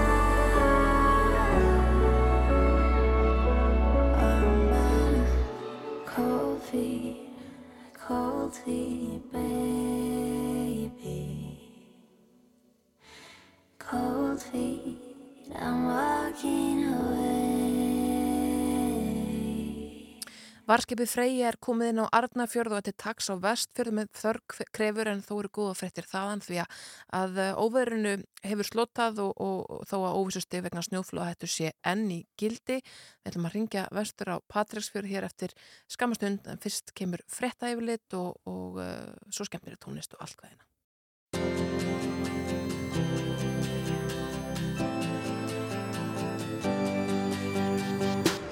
Þú ert að hlusta á morgunútvarpið á Rástvö. Áframhaldum við hér í morgunútvarpinu og ætlum að beina sjónum okkar vestur. En átta hús á Patræsfyrði voru rýmdi í gæri vegna snjófláða hættu. Og fólki sem í þeim býr er orðið ansi vant rýmingum á svæðinu en slíku fylgir þó alltaf mikið rask fyrir fjölskyldur og sérstaklega kannski batnafjölskyldur og á línunni hjá okkur er Inga Lín Valdimarsdóttir, hún er sapstjóri á Minjasafninu á Njóti. En og er einn þeirra sem rýma þurfti heimili sitt í gæri vegna óvissu ástandsins. Góðan daginn Inga Lín. Góðan daginn. Kanski byrjum á því að spyrja þig, hvernig eru aðstæður núna? Hvernig er veðrið hjá okkur fyrir vestan núna? Það bara að vera ljómandi gott veður núna. Það er skikni hérna alveg út á fjörðin og, og alveg bara fínasta veður. Emmitt. Þið hafið þurft að rýma ykkar hús nokkuð oftar ekki? Eh, nei, þetta er, eh, sem sagt, við fluttum, þetta er þriðji veturinn okkar í húsinu og þannig að við höfum ekki þurft að rýma okay. uh, hinga til. Þetta er í fyrst skipti sem að við þurfum að rýma. Og, og hvernig, hvernig er tilfinningin? uh, hún var bara allt í lægi, sko. Við, hérna, þetta kom svo sem ekkit alveg á óvart. Við vorum búin að sjá að það fjall flóð þarna aðfarnátt mánudags, þannig að hérna, svona byggumst við að það er því jafnvel ringt og já, já, maður bara drífur sig að pakka niður og Mm. koma sér í stað. Já. Og hvernig eru aðstæða fyrir uh, þau ykkar sem þurfa að rýma heimil sín? uh, Er, er eitthvað húsnæði annað í bóði fyrir ykkur eða þarf hver og einn að bjarga sér? Uh, það er í bóði, Rauðikrossin sér, um, sér til þess að við fáum húsnæði og það er hérna á Hotel Vest, væsir ekki um okkur, það er bara upp á búin rúm og þín heitt. Þannig að við erum í hérna góðu húsnæði og örugum. Sko, ef mér skattast ekki, þá ert þú í fæðingarólofu, þú sagði mér það í gær, þannig að þeir eru vantala með lítið batn, sko, eigur það á flækustegi fyrir ykkur að, þurfa að rýma? Já, það gerir það. það hérna, við erum með tvö börn, eldri stelpan var á leikskólanum og, og svo erum við eina sem er að verða eins árs í mars og svo erum við tvo hunda, þannig að það, það var svona smá nokkur handtök þannig og, og hvernig rýmum maður með hunda? Hvert fara þeir? Eru þau með ykkur á hótelinu? Heyrðu, þeir fengum bara að fara með á hótel. Frábær þjónustæðina, sko. Sjálfsögðu. Já, það, það er ekki annað, annað í bóði en, uh, börnin, uh, já kannski sérstaklega eldra, eldra barnið uh, hlýtur að vera að velta fyrir sér bara hvað er í gangi. Hvernig útskýrið þetta fyrir börnunum? Uh, hún náttúrulega var mjög hissa þegar hún var sótt í leikskólan og kom bara á hótel en, hérna, en fannst þetta mjög mikið sportið þegar voru aðri krakkarinn til að leika við og það var bara svolítið skemmtilegt sko. Hún spurði með mitt í gerðkvöldi hvort þú mátti vera alltaf hérna. Ég heyrið þannig ekki langa að vera að fara heim en hérna en jú, jú, ég sagði bara við mættum ekki að fara heim og það var svona snjór og svona reynda þetta eitthvað svolítið sem ég fannst það alveg eðlilegt. Já. Já. Sko, það er, það er snjóflóðvarnagarður í einhvers konar byggingu á Patrísferði þessa dagana, en myndi það breyta einhverju fyrir ykkur? Kemur ekki alltaf til með að verða einhver hérna rýming í þessum aðstæðum sem að nú hefur skapast í bænum? Jú, sko, okkur, okkur við sendum nú fyrirspurning þegar það var verið að kynna þessa framkvæmdi þá var okkur sagt að það yrði áfram rýmingar sko í ákveðnum aðstæðum þó þrátt fyrir barnagarðana. En það er líka sko núna er búið, er þetta bara framkvæmdasvæði og það sem flóðið kom niður á, á aðfrannátt mánudags þá þar er búið að koma fyrir sko stórum efnishaug þar sem flóðið skall á og sem þegar við keiftum þá skoðum við þetta voðulega vel og þar er og sáum það að það væri hérna, það er þarna svona, var skriður hyggur upp í fjallinu sem að beindi flóðinu svolítið áttina frá húsin okkar. Þannig að þú veist, við vorum nokkuð ákveðin í að kaupa og töndum okkur bara verulega örug en hérna svo kemur, byrjaði það framkvæmdur og þá er þessi skriður ykkur tekin og komið fyrir sko efnishaug eða einhverjum efnislaga sem að verktakinn alltaf væntalega nota einhvern tímann. Uh, þarna í miðri rásinni þar sem að á að beina flóðunum sko, þannig að hérna það var til þess að flóðið svona stýrðist aðeins í áttina húsinu okkar. Mm. Nátt mánudags Já. þannig að okkur stóð svona ekkert alveg á sama og, og vorum eiginlega bara fegin að það var rýming hérna í gerð Já, þannig að það, þið finnir fyrir öryggi utanumhaldið er gott þegar kemur að þessum málum. Já, afskaplega, það hérna var bara, já, hitti okkur í gerðmorgun og, og já, sagt frá aðstæðum og, og já, Og, mjög gott. Og björgunarsveitar og allir vita það er að við með stæðnum erum með, búin að búin að aðstofa og bara, og þetta er bara endur það er er þetta þá bara endur skoðað daglega eða á einhverja klukkutíma fresti, eh, hvernig er, er það Ég býst við að þeir séu bara að funda, eru hverju allan daginn sko, að Mm. taka stöðuna. Mhm. Einmitt. Já. Þannig að, að þið, svona, já, vitið raun og verið ekkert hvernig þið komast heim? Nei, ekki, ekki alveg. Ég, svona, miða við veður, þá, þá get ég nú ekki myndið mér að vera langur tími. En, já. En Inga, þú lísti því áðan að þið hefðu bara flýtt ykkur að pakka og dreifið ykkur út. Hvernig eru reglunar ef að þið áttu ykkur svo allt í náði að þið glemduð, uh, ég veit ekki, pelatækinu eða, eða samfellum Já, fyrir barnið, megið þið fara heim og, og sækja nöðsina vörur? Sko, ég held að sé þannig að ef að það er eitthvað nöðsynlegt sem að gleymist, þá getur farið í fylg með björgunarsveitumanni eða einhverjum viðbrásæðila sem að hérna sem að fylgir þér heim og, og þú sækir Hlæðslu tæki fyrir síman eða eitthvað hluti. sem má alls ekki. Já, alls ekki með það síman sko. en annars er, já, annars er yfirleitt hægt að fá hérna lánað einhver staðar eða eitthvað. Það er það, svona aðstæður bænum svolítið saman og, og allir hjálpa stað og aðstöða hvort annars. Þannig að Já, það er gott að heyra. Uh, Freyja Já. skipið, var skipið þegar komið vestur, uh, finnst ykkur það skipta máli, ykkur það örygg ykkar? já, alveg. Vel mikið. Gott mál. Ingalín Valdimarsdóttir, sapstjóri á Patrísfjörði, takk kærlega fyrir að vera á línunni hjá okkur. Já, takk fyrir. Gangi ykkur vel og, og, og meðan að þið eru að minnstakosti þarna á hótelinu í, í góðu yfirlæti að, að, að þá er allt í, allt í toppmálum. Þið, þið passið vel upp á okkur og við sendum bestu kæður vestur. Takk fyrir það. Við ætlum að fara aðeins yfir Óskarsvöluna tilhemningarnar hér uh, að, að, að vörmu spori. Dýrið fekk ekki tilhemningu hulda. Nei, það var á þessum svo kallega stuttlista eða shortlist Mhm. yfir eh, kvikmyndi sem komið til greina í, í flokki erlendra kvikmynda. Náði því miður ekki gegn en, en uh, það segir svo sem ekkert um myndina sem slíka, hún hefur slegið gegn mjög víða. En uh, við ætlum aðeins að grúska í, í þessu hérna eftir. Uh, fyrst ætlum við hins vegar að heyra í Silk City og ásamt popstjórnunu Dua Lipa í lagi sem heitir Electricity. to you.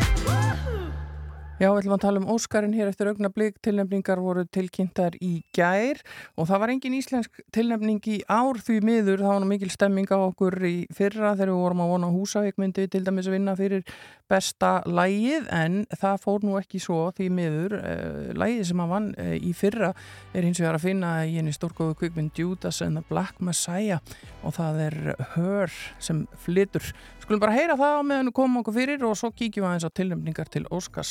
Fight for you heitir þetta.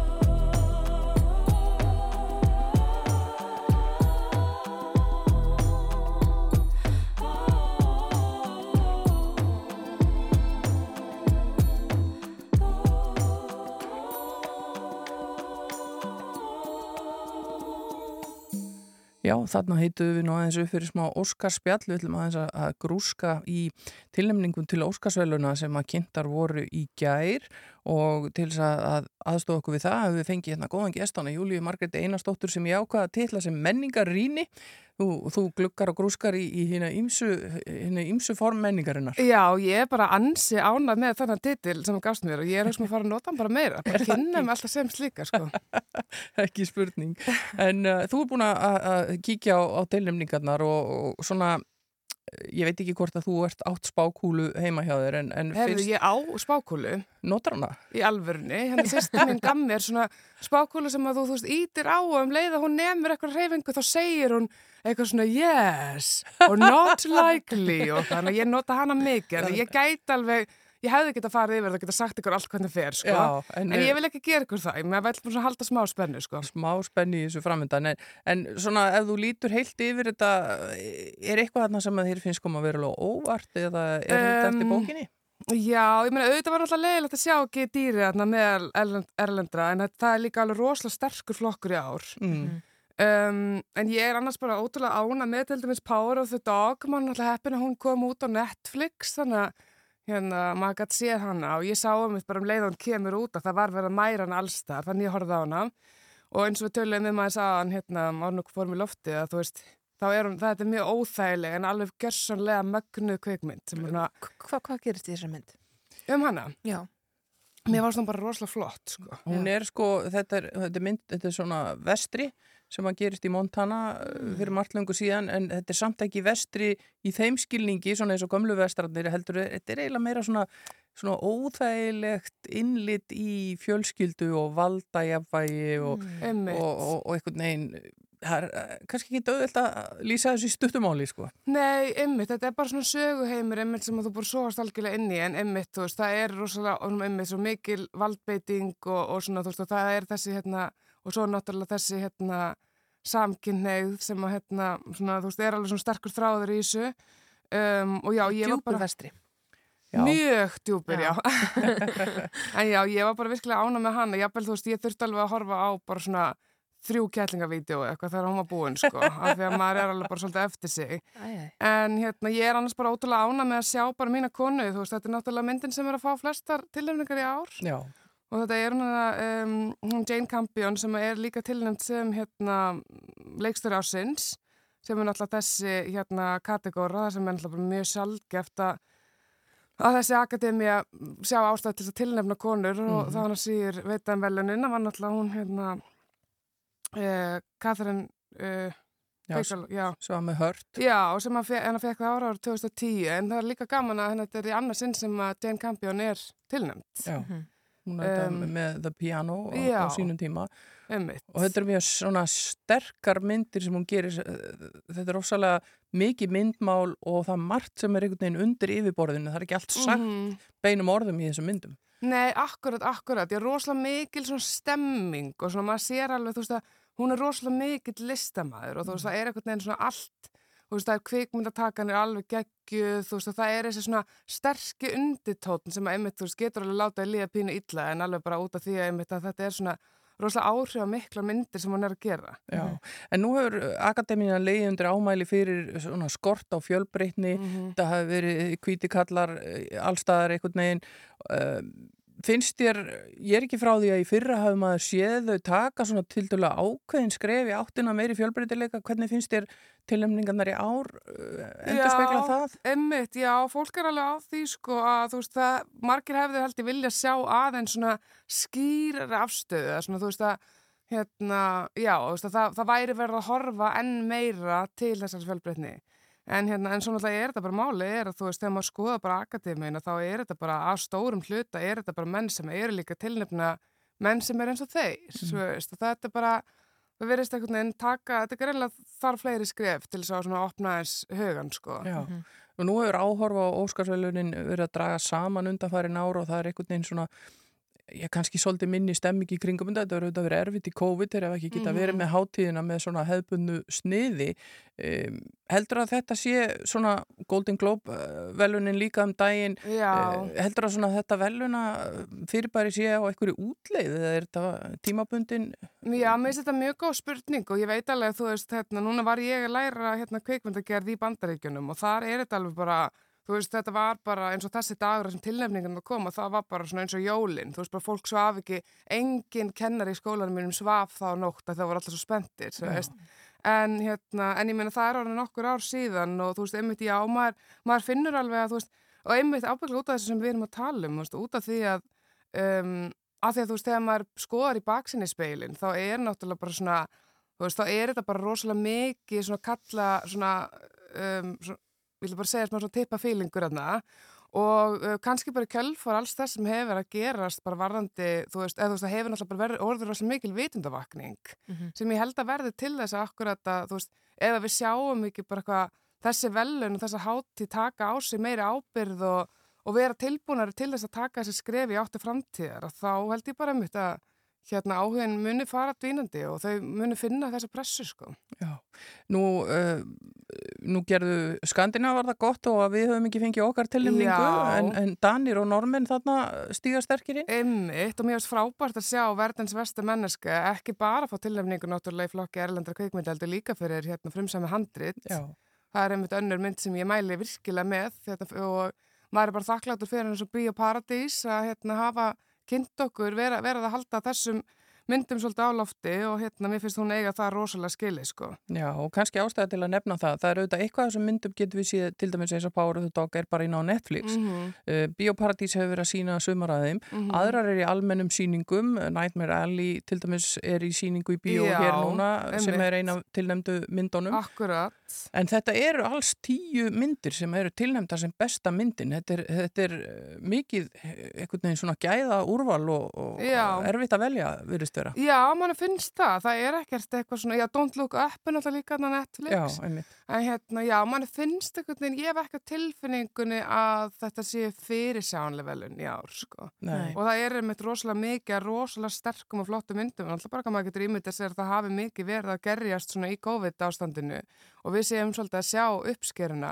Þannig ég held að sé bara rosalega mikil veistla framöndan bara fyrir okkur í kvikmyndahúsum og það verður frábært að fylgjast með þessu í mars, hvernig þetta lendir allt. Já, Óskarinn verður sendur út 27. mars og þá líkur þetta allt fyrir en það er nefnilega fylgir þessu ofta að, að á þessum ástíma hrúast þessar myndir inn í Já. bíó á veiturnar þannig að það er eh, veisla framundan fyrir okkur sem hefum gaman af, kvikmyndum. Sannarlega, ég er bara er spennt að fagna. Já, við drýjum okkur í bíó, ekki spurning, takk fyrir að kíkja okkur, Já, Júlia takk Margrét. fyrir að leiða mér að koma.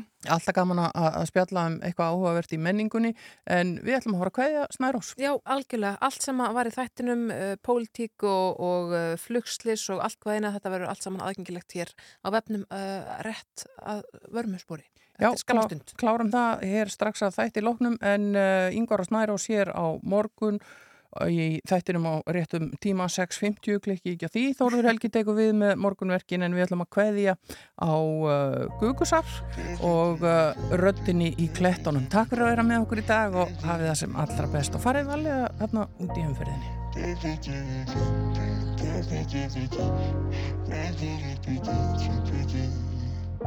Af öllum kröftum Nóttin var köld og hljó Alheimurinn starir á mig Vill losna við sig. Röddinn í klettunum Röddinn í klettunum Bergmála fegur þína